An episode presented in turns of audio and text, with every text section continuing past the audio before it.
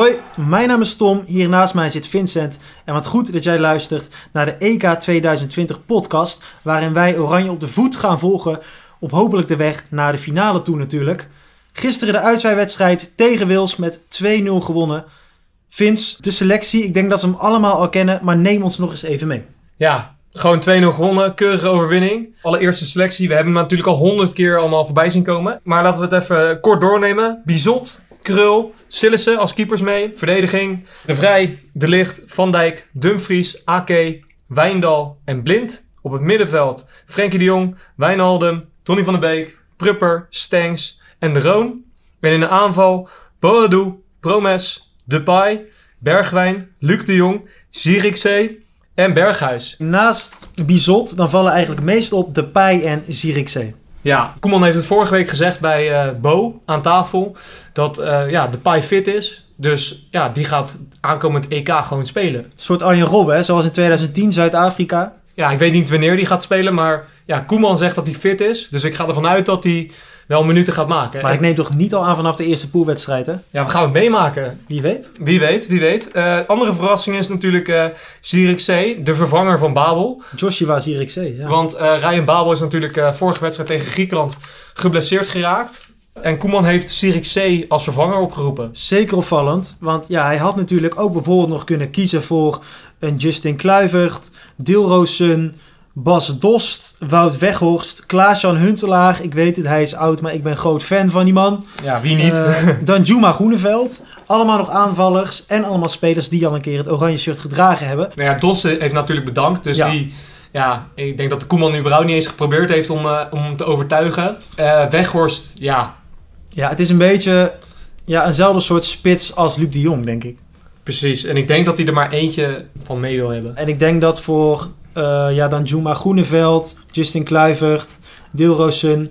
Ja, daar geldt denk ik allemaal een beetje hetzelfde voor. Ze hebben niet een vaste basisplek. Maar Zierikzee ook niet, hè? Dus dat is een beetje... Nee, klopt. Alle drie, alle vier eigenlijk, spelen ze... Hebben ze geen basisplek. Waarom Joshua Zirkzee? Ja, dat is de grote vraag. Hij heeft nog in één keer bij de selectie gezeten Nee. en opeens mee naar het EK. Ja, verrassende keuze. Misschien krijgen we Koeman...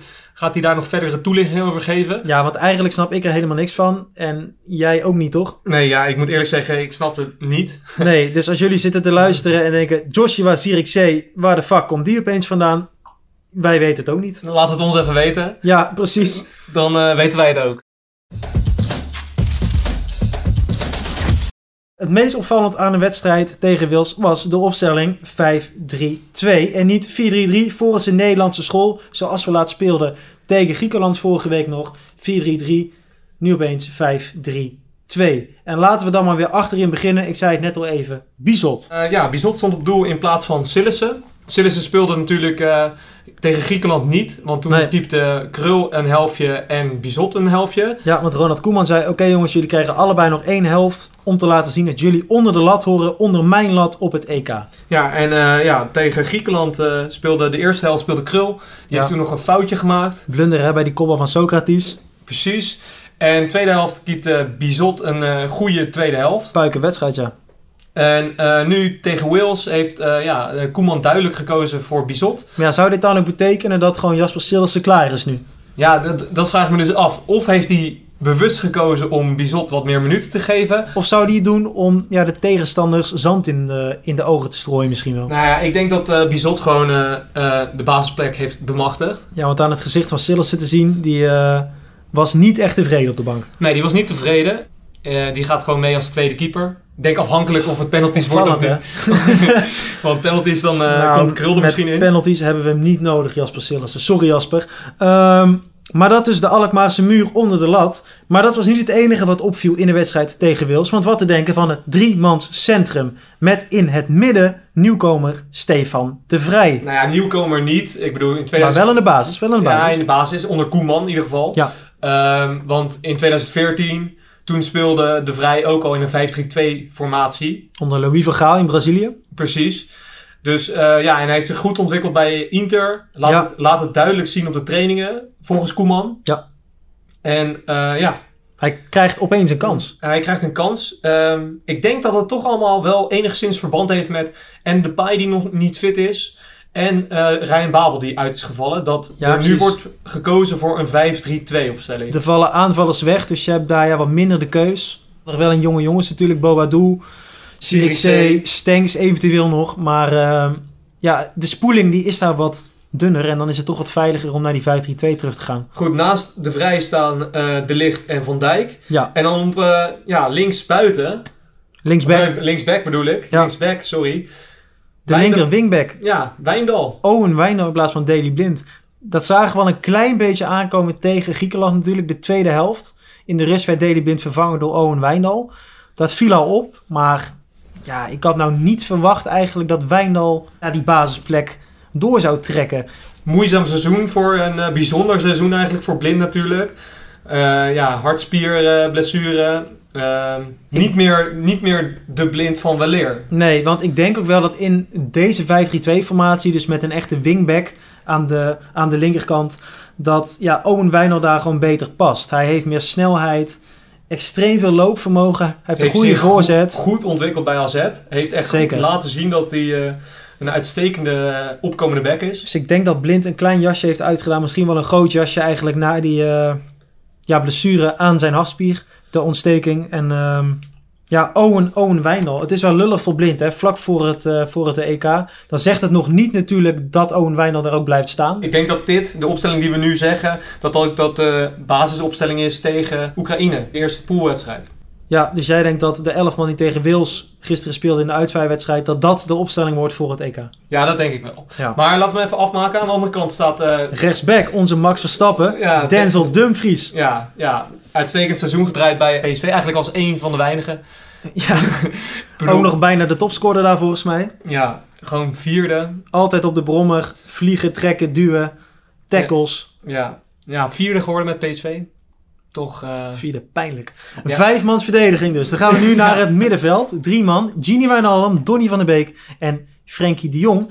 Wat daar opvalt, Vince, is dat Marten de Roon, onze balans. balans, ons slot op de deur, dat die plaats heeft moeten maken voor Donny van der Beek. Drie centrale verdedigers. De punt naar achter hoeft niet meer. Dus nu Donny En- van der Beek. En Frenkie, Frenkie is ook al, die komt al over het algemeen de bal al halen. Dus die Precies. speelt al meer met de punt naar achter. Zoals bij Ajax hè, is eigenlijk een echte nummer 6, maar dat kan hij bij Barcelona niet tegen laten zien door Nee. Sergio Busquets. Dus Frenkie heeft al meer naar achter. En ik denk dat hij met Donny van der Beek meer heeft ingezet op een aanvallende, ja, aanvallend middenveld. Ja, precies. Aanvallende eh, looplijnen, creativiteit, diepgang.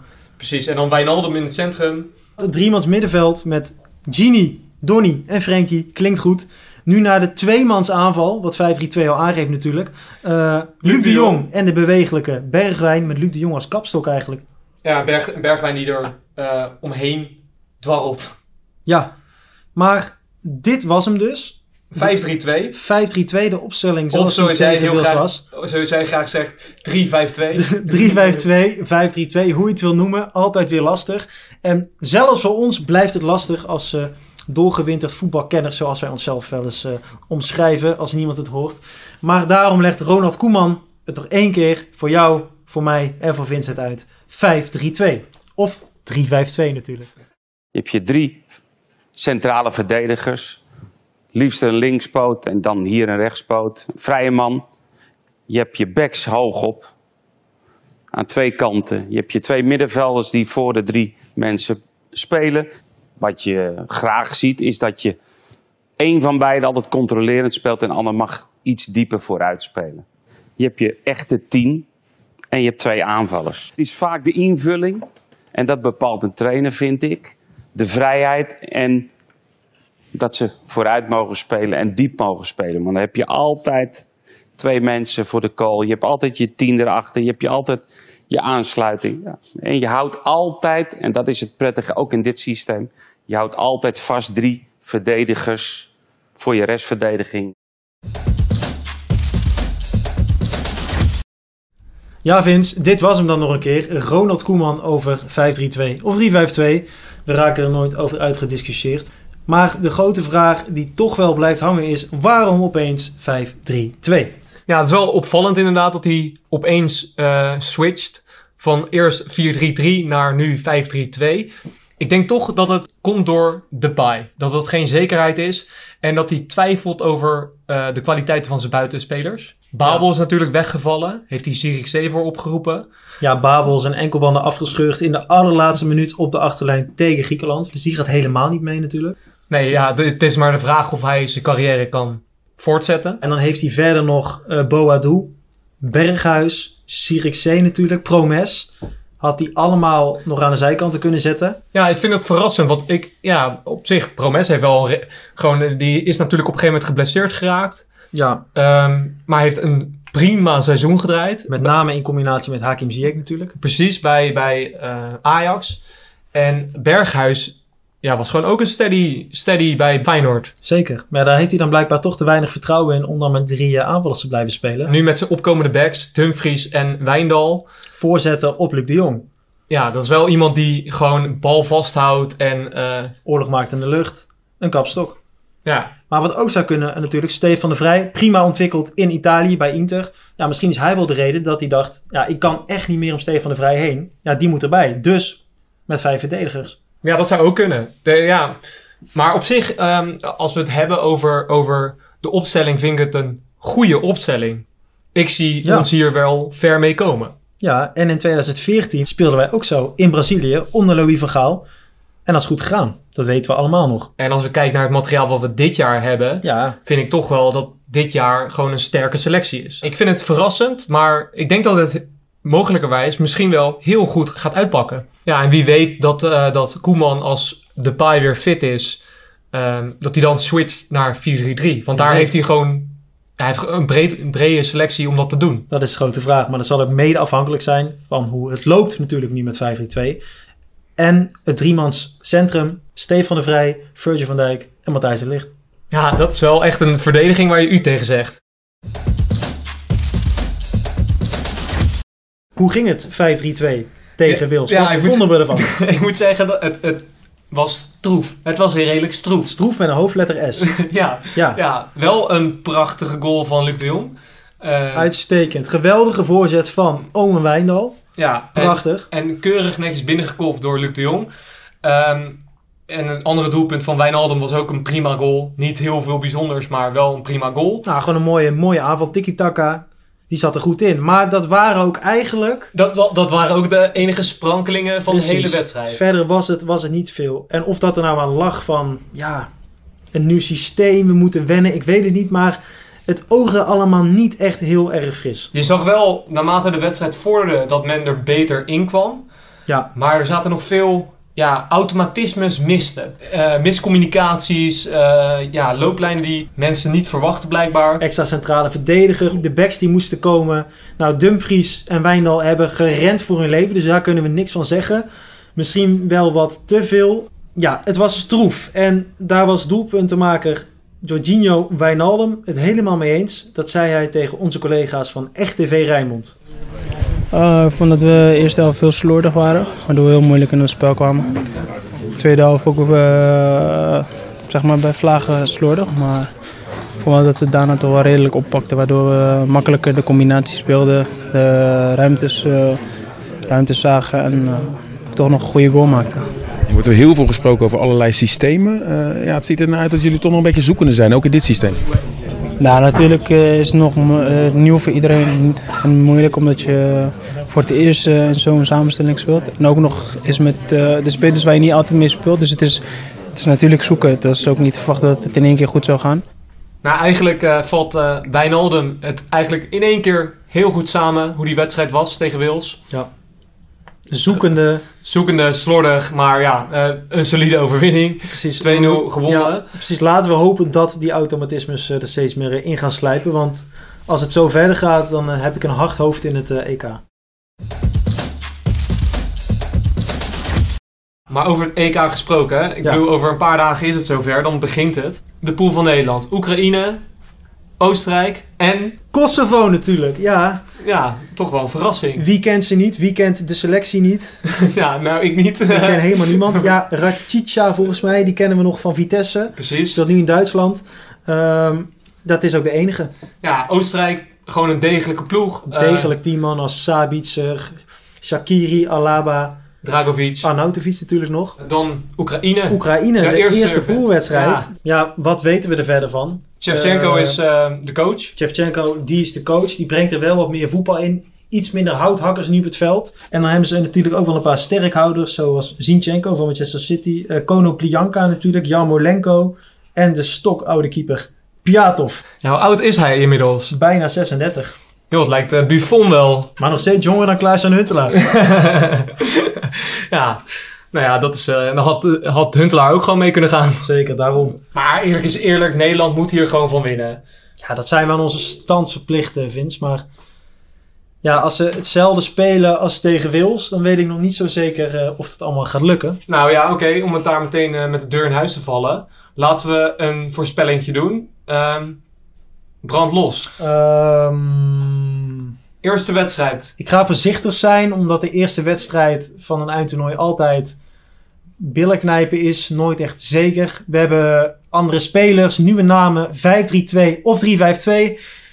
1-0, zakelijke overwinning. 2-1. Nou, ik zet hem in op 2-1.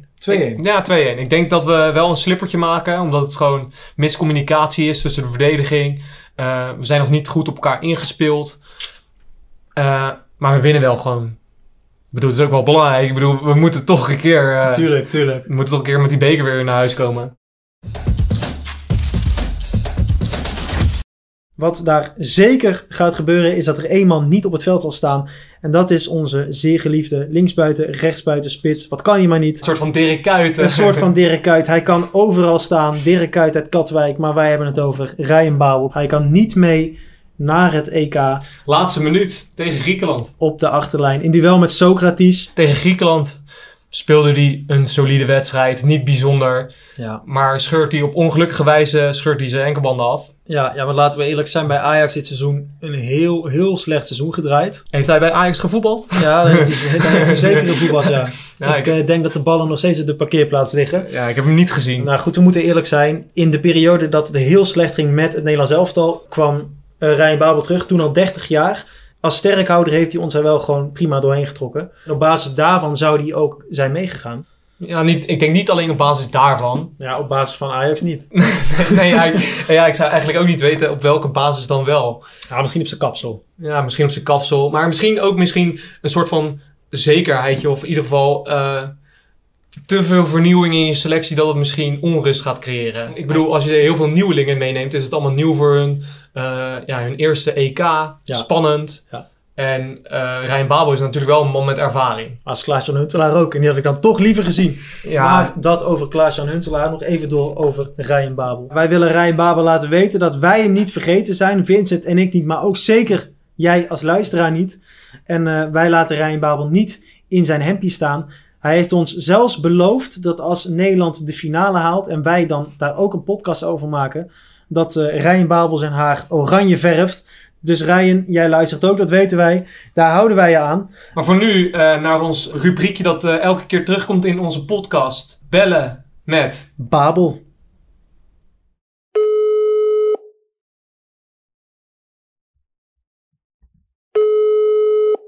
Ryan Bouwel. Ryan Babel, een hele goede middag met de EK 2020 podcast spreekje. Om mee te beginnen, om iedereen's geheugen weer even op te frissen, zou jij jezelf, hoeft niet lang, gewoon kort, een paar zinnen, jezelf nog één keer voor kunnen stellen. Ja, ik ben eh, Ryan Bouwel. Ja, dat klopt. Ryan, Ronald Koeman, onze bondscoach, jij hebt hem zelf meegemaakt in de hele voorbereiding naar het EK toe. Ehm, hoe vind jij hem als bondscoach? Eigenlijk is Memphis Depay de beheerder van de app. Ja, Ja. Nou, eh Ryan, dankjewel. Tot eh, de volgende podcast en eh beterschap. dank eh, jullie wel. Ja, jongens, dit was hem dan. Ryan Babel. Ik vind het toch wel fijn om weer even zijn stem te horen. Ja, eerlijk is eerlijk. Eh, toch fijn dat hij betrokken is bij deze podcast. Precies, altijd fijn. Ryan Babel, we denken aan je. Maar ja, ik moet een teleurstellende mededeling. eh, want we zijn aan het einde gekomen van onze podcast. Ai, ai, ai. Ehm eventjes nog eh, de voorspelling op rij. Jij denkt 1-0 1-0, zakelijke overwinning. zakelijke overwinning op Oekraïne. Ik denk 2-1. En eh 14 juni speelt Nederland zijn eerste wedstrijd in de Johan Cruijff Arena tegen Oekraïne. En wij zijn er weer 15 juni, de dag na de, ja, de overwinning hopelijk. Met een analyse en meer. En natuurlijk Ryan Babel. Precies. Tot dan. Jongens, tot dan. Doei!